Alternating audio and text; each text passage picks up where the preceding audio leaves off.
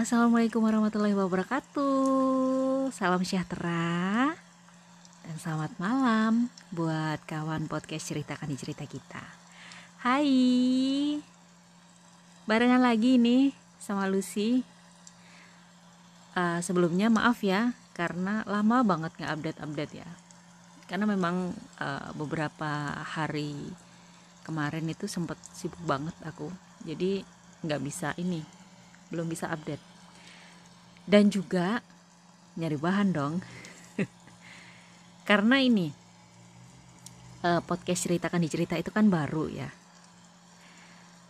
Dan aku tuh ngambil cerita itu nggak nggak asal ngambil. Maksudnya gini paling nggak aku harus dapat izin dulu dari penulisnya kayak gitu. Jadi nggak boleh langsung ambil dibacain gitu buatku jangan karena itu kayak nggak menghargai karya orang gitu ya. Jadi aku izin sama beberapa temen boleh nggak sih tulisannya dibacain di podcast ceritakan di cerita kita? Gitu. Nah buat kawan podcast ceritakan di cerita kita yang pengen tulisannya aku bacain boleh. Langsung aja lewat emailnya bisa diceritakan di cerita kita gmail.com atau boleh DM di Instagram di podcast ceritakan di cerita kita. Bisa juga uh, klik link yang ada di Instagram itu ada linknya Google Form. Jadi nanti tinggal isi aja itu di sana. Oke? Okay? Oke. Okay oh ya gimana ini kondisi yang ada di tanah air? Semoga lekas membaik dan taati terus protokol kesehatan ya. Cuci tangan pakai sabun terus pakai masker dan juga jarak, jaga jarak. Oke biar ini biar yang sakit nggak nambah-nambah terus. Nggak boleh bandel ya. Yang kebetulan kalau di tempatku di tempatku ini lagi dingin banget. Lagi musim dingin jadinya uh, kalau malam tuh enakan tidur. Jadi lebih lebih memilih tidur ya karena memang suhunya kebetulan emang lagi dingin banget. Jadi jaga kesehatan buat semuanya patuhi protokol kesehatan Uh, semoga yang sakit segera diberi kesembuhan dan yang sehat jaga terus kesehatannya ya. Jangan sakit, jangan sampai sakit. Oke deh, karena kita kayaknya intermezzonya juga sudah. Uh, aku pengen nih bacain tulisan uh, tulisannya dari yang nulis siapa sebentar. Ah, yang nulis FW tapi ditranslate oleh Mas Galman Ferguson. Uh, judul aslinya My Own House. Terus ditranslate ke bahasa Indonesia ya. Harusnya rumah bibiku tapi karena ini judulnya warisan jadi rumah warisan. Oke? okay? Jangan lupa pasang headset, siapin cemilan ya. Dan selamat mendengarkan.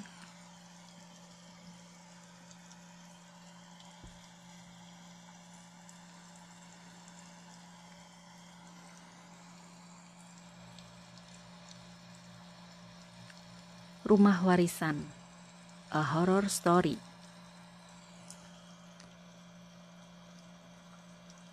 Beberapa minggu yang lalu, aku mendapat kabar bahwa seorang bibi yang tak pernah aku ketahui sama sekali keberadaannya telah meninggal dunia. Beliau mewariskan sebuah rumah beserta seluruh isinya kepadaku, keponakannya satu-satunya.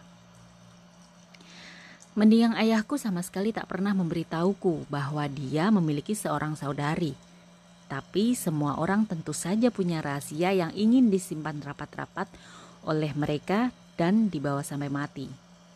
Jadi, aku sangat terkejut saat menerima kabar tersebut. Bukan saja karena aku ternyata memiliki seorang bibi yang tak pernah aku kenal, tapi juga karena dia telah meninggal dunia dan menyerahkan seluruh harta bendanya kepadaku. Selama hidupnya, ayahku sama sekali tak pernah memberitahukan padaku bahwa dia memiliki seorang adik perempuan yang tinggal di kota lain. Sekarang kalau dipikir-pikir memang agak aneh kalau ayahku tak pernah menyimpan foto-foto kenangan dari masa kecilnya sama sekali di album foto keluarga. Dia pernah bilang padaku kalau sebagian besar foto-foto tersebut hilang saat mereka pindah ke sini.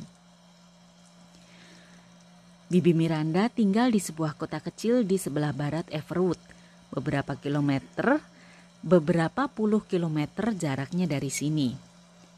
Dia tak memiliki anak. Setelah suaminya meninggal dunia, dia tinggal sendiri di rumah itu sampai akhir hidupnya. Saat aku menerima kabar itu, aku sedang berada pada titik terendah dalam hidupku. Usiaku masih 26 tahun dan aku sementara berjuang mencari pekerjaan yang layak untuk memenuhi segala kebutuhanku sendiri. Jadi, aku memutuskan untuk pindah sementara ke rumah itu sambil menyusun rencana apa yang akan kulakukan nanti. Mungkin aku akan menyewakan atau menjual rumah itu dan menggunakan uang hasil penjualannya untuk membuka sebuah restoran atau kue kecil yang sudah lama menjadi impianku selama ini.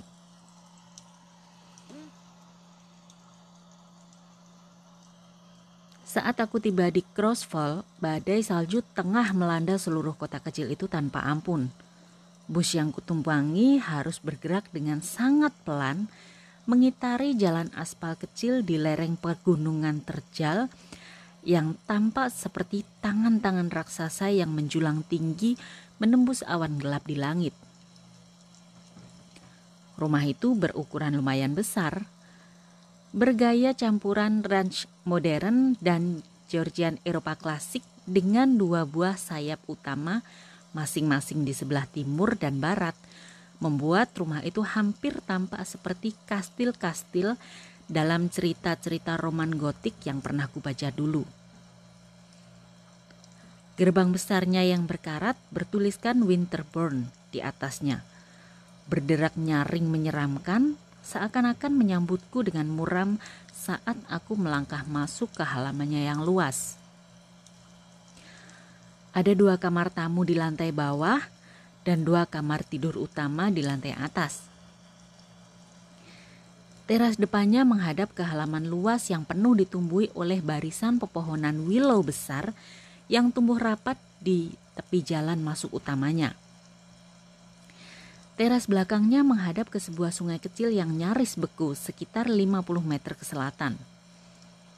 Aku menempati salah satu kamar tidur utama di bagian depan rumah di lantai dua yang menghadap ke halaman depan. Aku masih merasa sedikit enggan menempati kamar tidur Bibi Miranda yang berada di bagian belakang dan menghadap sungai. Karena kamar itu dibiarkan begitu saja sama seperti saat dia masih hidup. Semua barang-barang dan buku-buku miliknya masih berada di tempat mereka masing-masing, seakan dia masih ada bersamaku di dalam rumah ini. Foto-foto keluarga juga masih terpampang di seluruh dinding, menjadi saksi bisu atas masa lalunya yang megah. Sehingga aku bisa menduga-duga kira-kira seperti apa keadaan rumah ini saat pemiliknya masih hidup.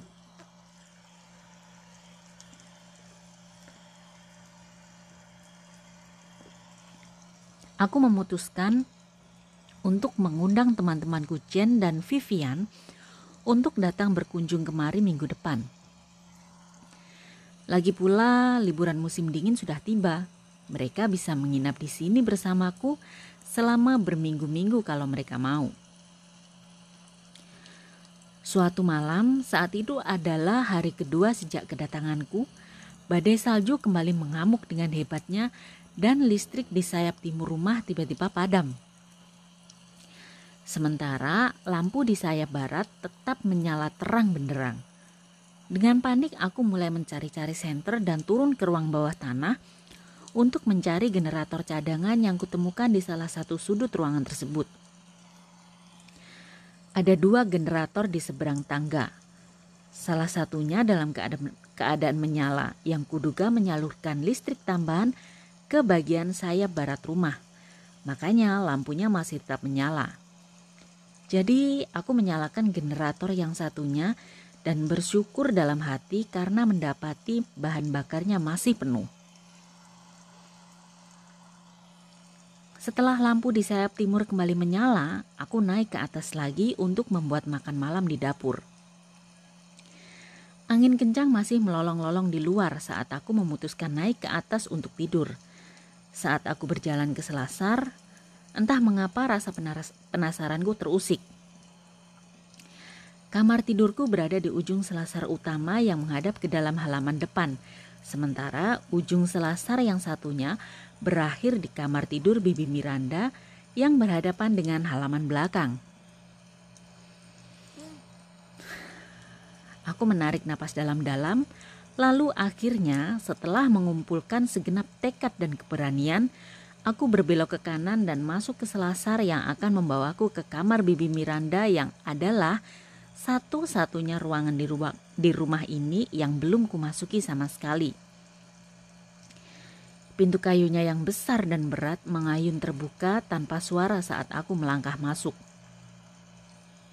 Aku tertegun. Indah bukanlah kata yang cukup pas untuk mendeskripsikan kamar itu. Lantainya terbuat dari marmer mengkilap yang membuat langkah-langkahku terasa mantap dan ringan setiap kali aku bergerak. Dinding-dindingnya dipenuhi oleh ukiran-ukiran rumit bergaya klasik yang membuatku merasa seolah-olah sedang melangkah masuk ke masa lalu.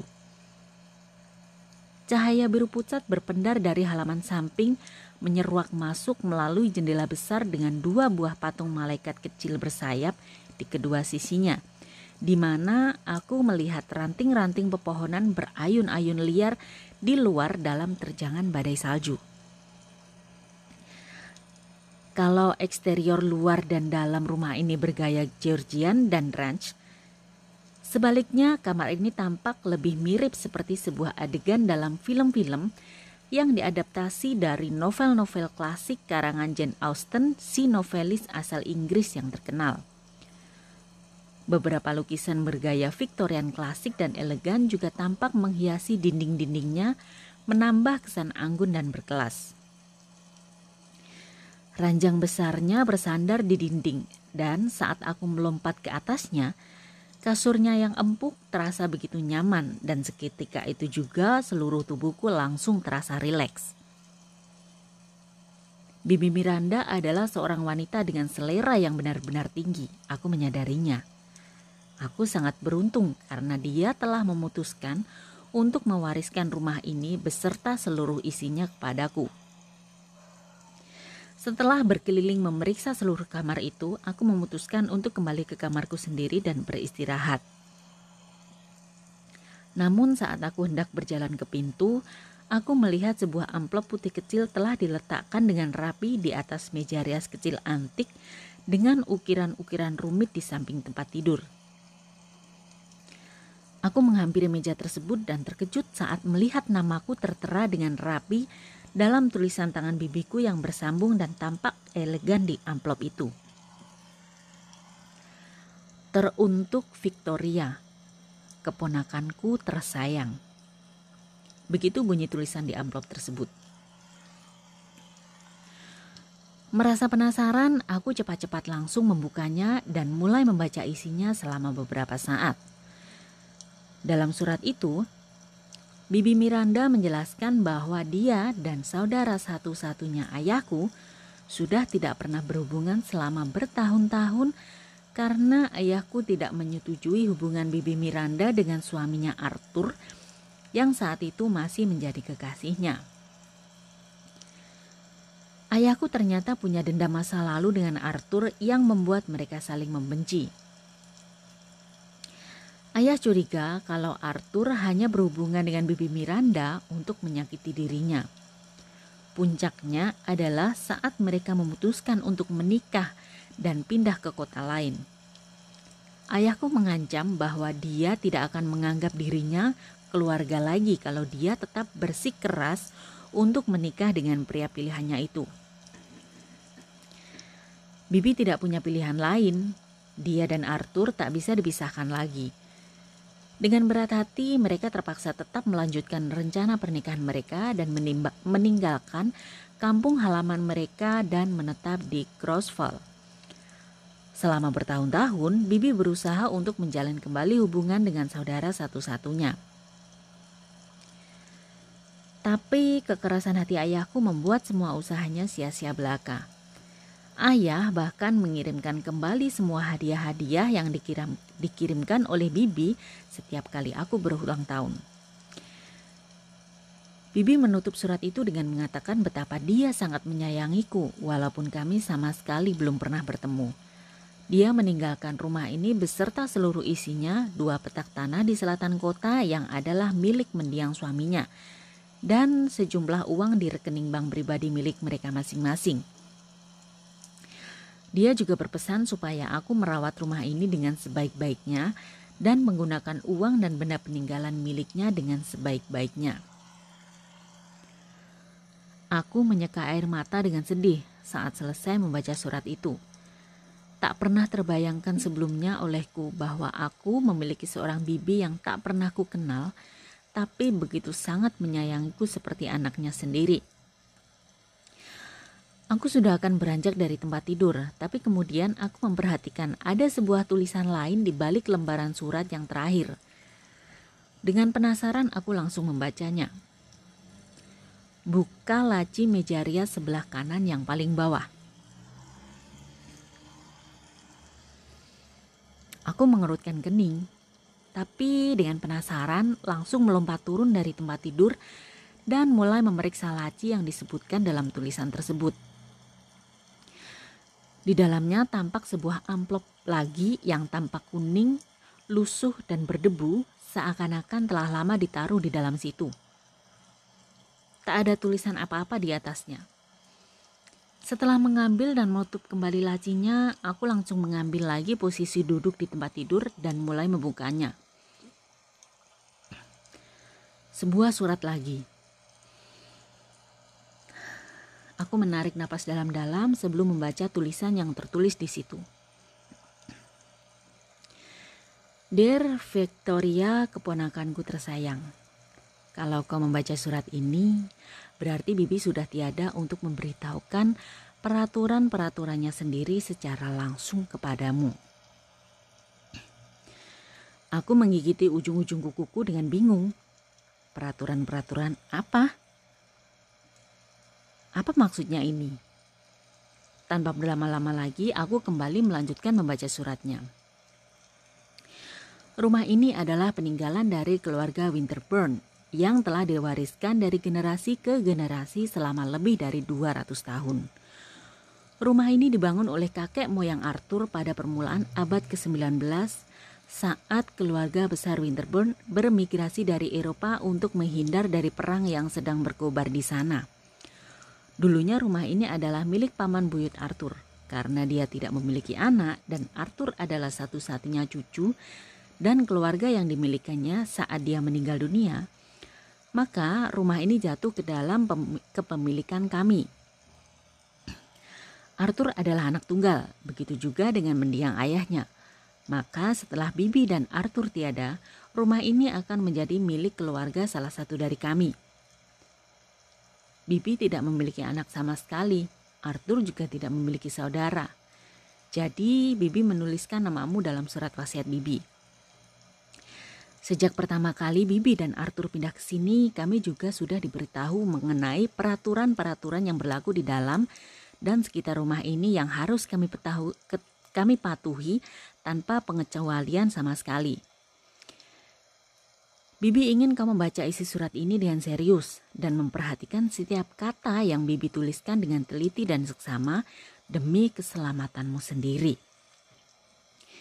Bibi harap setelah membaca surat ini kau tidak merasa takut dan memutuskan untuk menjual rumah peninggalan Bibi. Yang perlu kau lakukan hanyalah mengikuti semua peraturan-peraturannya tanpa terkecuali dan tidak melewatkan satu pun juga. Bibi ingatkan lagi, ikuti semua peraturan yang tertulis dalam lembar surat berikutnya. Semuanya. Rumah ini memiliki sejarah dan karakter yang unik dan hanya mereka yang mematuhi segala peraturan yang ada yang dapat bertahan dan hidup dengan tenang dan tentram di dalamnya. Bibi sangat menyayangimu Victoria, walaupun kita tidak pernah bertemu. Tapi Bibi tahu kau adalah gadis yang pintar dan kuat. Bibi menyesal karena tidak berusaha lebih keras untuk memperbaiki hubungan Bibi dengan ayahmu dan hadir untuk menjalankan peran Bibi dalam kehidupanmu. Bibi harap kau mau memaafkan Bibi. Salam sayang, Bibi Miranda. Entah mengapa tiba-tiba sekujur tubuhku merasa dingin saat membaca surat itu. Aku tidak memahami apa yang dimaksud Baby Miranda dalam pesan aneh ini terutama pada bagian demi keselamatanmu sendiri. Memangnya aku sedang berada dalam bahaya di rumah ini. Merasa penasaran luar biasa, aku langsung membaca lembaran terakhir pada surat itu yang telah dituliskan pada sehelai kertas tebal yang lusuh kekuningan dan mulai sobek di mana-mana. Peraturan-peraturan yang berlaku di dalam properti mendiang Edward Edward Winterburn, pendiri dan pemilik pertama rumah ini. 1781 sampai 1826. Catatan milik Miranda Wilhelm Winterburn. Barang siapa yang tinggal atau menetap di dalam rumah, baik sementara dalam jangka waktu tertentu atau menginap dalam semalam, harus mengikuti segala peraturan yang berlaku tanpa terkecuali. Bagi mereka yang tidak mengindahkan atau melanggar peraturan-peraturan yang tertulis dalam pesan ini, semoga Tuhan menolongmu. 1 semua pintu dan jendela harus ditutup rapat sebelum waktu menunjukkan pukul 10 malam. Khusus untuk pintu gerbang depan dan belakang, jangan lupa untuk mengunci gemboknya juga. 2. Pintu ruang bawah tanah harus selalu dalam keadaan terkunci setiap Jumat malam. Untuk keamanan semua orang, Sebaiknya pintunya harus selalu dikunci dan digembok setiap hari kalau tidak ada keperluan mendesak yang mengharuskan seseorang turun ke bawah. 3. Setiap Jumat malam akan terdengar bunyi langkah-langkah teredam dan suara-suara aneh dari dalam ruang bawah tanah. Baca kembali peraturan nomor 2. Jangan pernah buka pintunya walaupun pintunya digedor-gedor dari dalam abaikan saja. Selama pintu itu tetap dalam keadaan terkunci dan tergembok rapat, kau akan tetap aman dari apa yang ada di dalam sana. 4. Jangan pernah meninggalkan remah-remah makanan di halaman belakang menjelang malam. Sisa-sisa makanan sebaiknya ditaruh dalam wadah plastik dan disimpan sampai pagi sebelum dibuang. 5 sekali dalam sebulan pada hari ketiga sebelum akhir bulan menjelang tengah malam, seseorang akan datang dan mengetuk pintu depan meminta tolong untuk dibiarkan masuk dan beristirahat. Jangan buka pintunya dalam keadaan apa pun juga.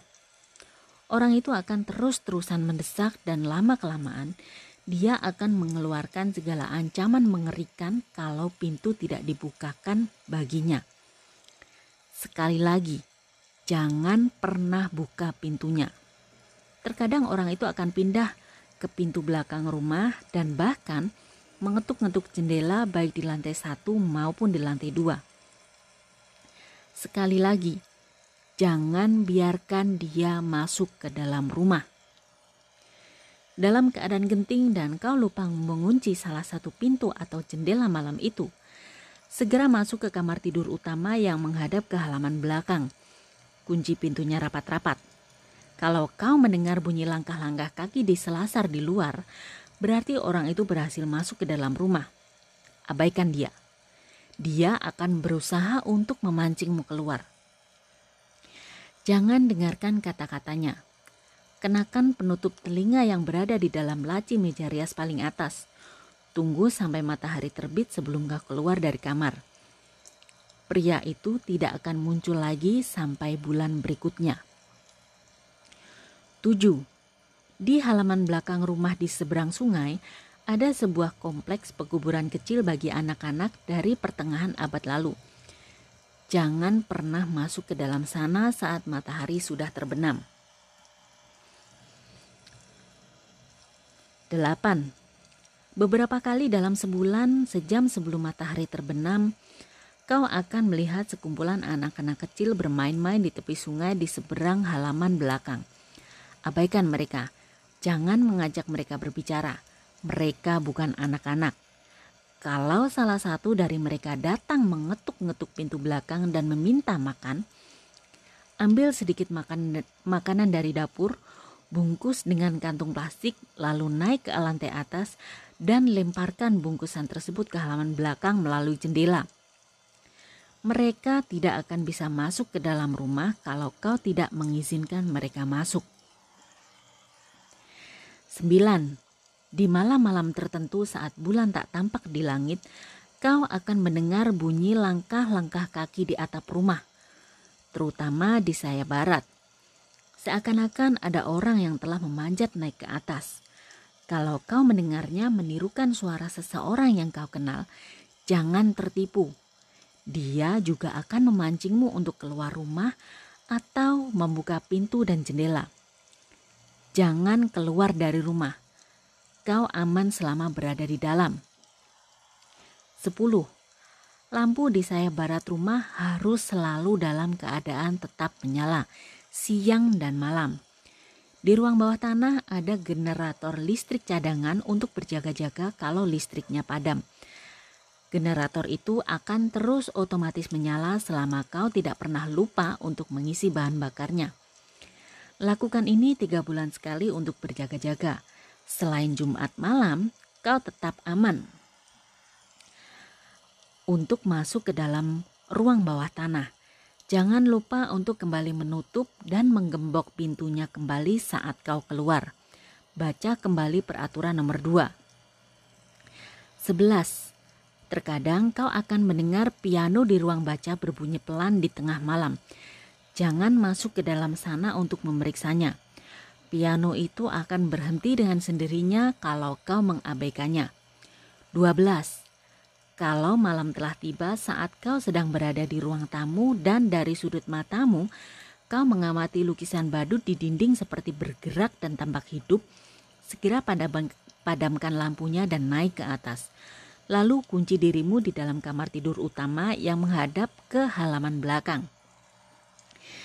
Jangan keluar walaupun kau mendengar suara-suara seakan-akan ada yang sedang bercakap-cakap dan berjalan-jalan di lantai bawah. Dia tidak akan naik ke lantai dua selama dia tidak menyadari kehadiranmu. Naik ke tempat tidur dan berusahalah untuk tidak membuat suara sekecil apa pun. Kalau dia telah menyadari kehadiranmu dan naik ke lantai dua, lalu mulai mondar-mandir di selasar di luar kamar dan mengetuk-ngetuk pintu minta dibiarkan masuk. Tak ada lagi yang bisa kau lakukan.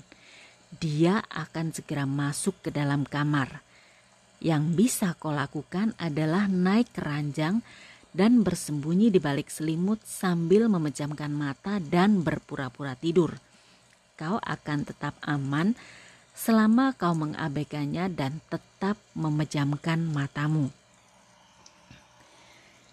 13. Ada sebuah altar kayu kecil di bawah pohon willow besar di tepi sungai di halaman belakang rumah. Sebulan sekali taruh makanan berupa buah-buahan dan sekerat daging di atas sebuah piring dan letakkan di bawah altar tersebut sebagai tanda perjanjian dengan apa pun itu yang berada di dalam hutan di seberang sungai supaya ia tidak mendekati rumah. 14. Di tengah malam, kalau kau terbangun dari tidur dan mendapati pintu kamar sudah dalam keadaan terbuka lebar, berarti kau telah mengabaikan peraturan nomor dua. Segera pejamkan matamu kembali dan berpura-pura tidur. kau akan merasakan sebuah desakan kuat untuk melompat turun dari tempat tidur dan menutup pintunya kembali. Tetap di tempat tidur, pejamkan matamu, bahkan kalau kau mendengar bunyi langkah-langkah kaki pelan di selasar di luar yang mendekati kamar, tak ada yang bisa kau lakukan saat itu. Abaikan apa pun itu selama dia menyangka kau masih tidur kau akan aman. Tapi kalau kau terbangun saat ia sudah berada di dalam kamar mengamatimu dan ia menyadari kalau kau sudah terbangun, baca kembali peraturan nomor dua baik-baik. Kalau masih ada hal yang kurang jelas, kembali ke nomor satu dan baca ulang seluruh peraturan-peraturannya.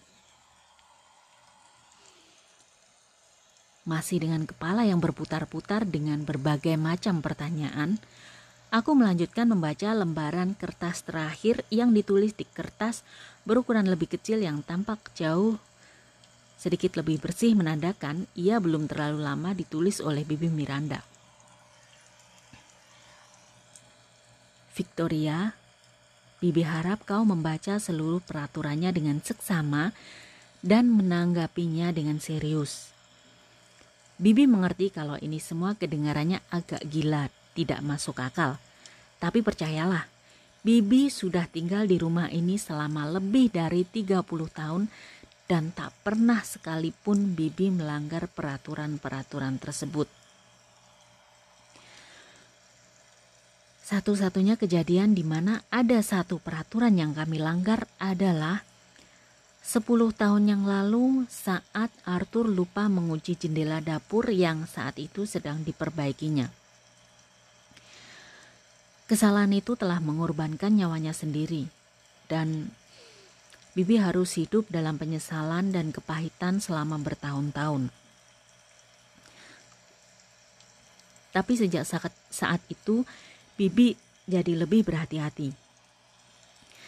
Tak pernah sekalipun Bibi pernah melanggar peraturan-peraturan itu sampai hari di mana Bibi menghembuskan nafas terakhir. Kau mungkin bertanya-tanya kenapa Bibi tidak menjual rumah ini dan pindah ke tempat lain sepeninggal Arthur. Tapi Bibi tidak bisa. Rumah ini menyimpan banyak kenangan akan pria yang sangat Bibi cintai itu.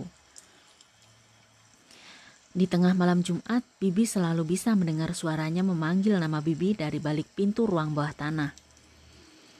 Tapi Bibi tidak pernah membuka pintu itu. Cukup mendengar suaranya saja sudah membuat Bibi merasa bahagia. Seakan-akan dia masih ada di sini bersama Bibi. Itu sebabnya mengapa Bibi bisa bertahan tinggal seorang diri di sini selama bertahun-tahun. Semua keanehan-keanehan yang telah Bibi sebutkan di atas hanya akan terjadi begitu penghuni baru datang dan menempati rumah ini. Kau juga mungkin bertanya, mengapa Bibi tidak pergi dari sini setelah mengetahui hal-hal aneh yang terjadi di sini. Tapi ketahuilah, satu hal selama kau mengikuti peraturan-peraturan yang diberikan olehnya, kau akan tetap aman. Dan rumah ini akan memberikan keuntungan padamu seumur hidup. Itulah alasan mengapa kami memutuskan untuk tidak memiliki anak dan tetap menetap di sini. Rumah ini telah memberikan kami begitu banyak harta yang melimpah. Hidup kami selalu berkecukupan. Tapi memiliki anak dengan adanya semua peraturan-peraturan aneh itu terlalu berisiko tinggi pada akhirnya yang bisa Bibi katakan adalah bahwa Bibi hanya bertahan di sini bukan karena segala harta benda yang Bibi miliki. Tapi karena kenangan akan Arthur yang Bibi sangat cintai dan rindukan selama 10 tahun. Selama Bibi bisa mendengar suaranya dari, dari balik pintu ruang bawah tanah setiap malam Jumat, maka Bibi akan selalu merasa bahagia. Satu-satunya penyesalan lain yang terus-terusan menyiksa Bibi selama Bibi masih hidup adalah fakta bahwa Bibi tak pernah memiliki kesempatan untuk kembali berbaikan dengan ayahmu sebelum dia meninggal dunia. Semoga kehidupanmu selalu dipenuhi kebahagiaan dan rezeki yang berlimpah selama kau masih hidup. Salam sayang, Bibi Miranda. Aku menatap kertas itu tanpa berkedip selama beberapa saat sampai tulisan di atasnya mulai tampak kabur dan mataku telah berair dan terasa pedih. Apakah ini hanya sebuah lelucon? Apakah bibir Miranda hanya sedang mengerjaiku? Apakah dia memiliki selera humor yang aneh seperti ini? Aku memeriksa amplop itu dan tak menemukan apa-apa lagi kecuali endapan debu dan serbuk-serbuk kertas selama bertahun-tahun di dasarnya.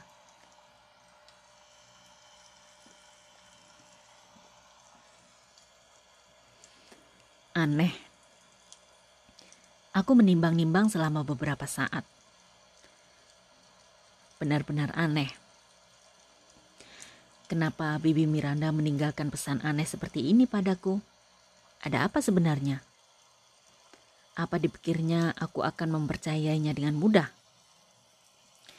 Yang benar saja, di tahun 2020 seperti ini masih ada saja orang-orang yang mempercayai hal-hal berbau mistis. Tahun 2020, entah mengapa tiba-tiba sesuatu langsung terlintas di benakku tanpa kuduga-duga. Sebelum aku menyadarinya, aku sudah menoleh ke arah meja rias di samping tempat tidur dan tatapanku langsung tertuju pada kalender di atasnya. Sekarang adalah hari Jumat.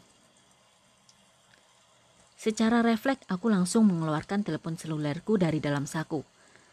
Tepat saat jam berganti menjadi pukul 10 malam lewat satu menit sebelum aku sempat bereaksi apa-apa karena masih terpaku menatap layar teleponku, aku mendengar langkah-langkah pelan di selasar luar diikuti oleh suara napas berkeretakan serak. Jantungku langsung terasa seperti mau copot saat aku memutar leher secepat kilat ke arah pintu kamar yang terbuka lebar menampakkan kegelapan. Victoria.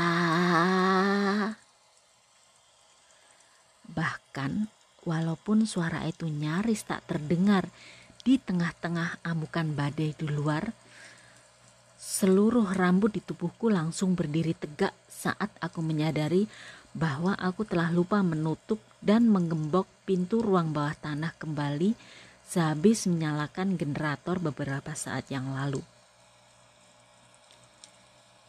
Victoria. Seru ayahku lagi. Suaranya terdengar dingin dan beku, seperti angin musim dingin di luar. Lalu ia menyelinap keluar dari balik kegelapan. Tamat.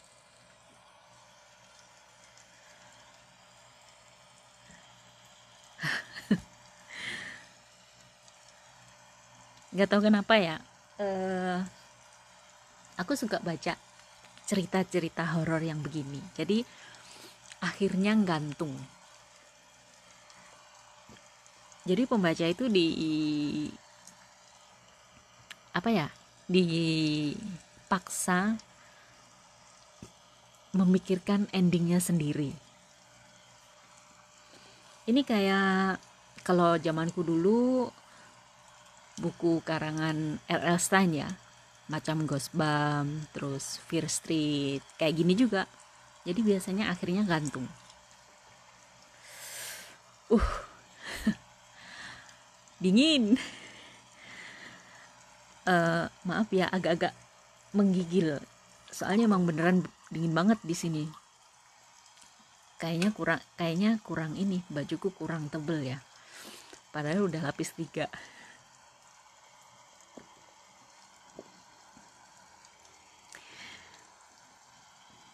jadi lanjut lagi.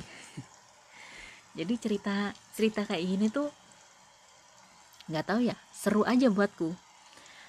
Uh, kita nggak harus menggambarkan setannya yang begini begini begini yang wajahnya hancur lah yang apalah yang itulah. Tapi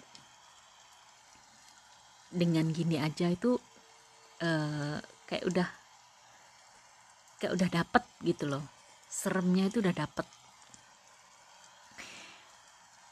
Kalau buat kawan podcast ceritakan di cerita kita kalau suka cerita kayak gini boleh kok. Nanti coba aja DM ke Instagram.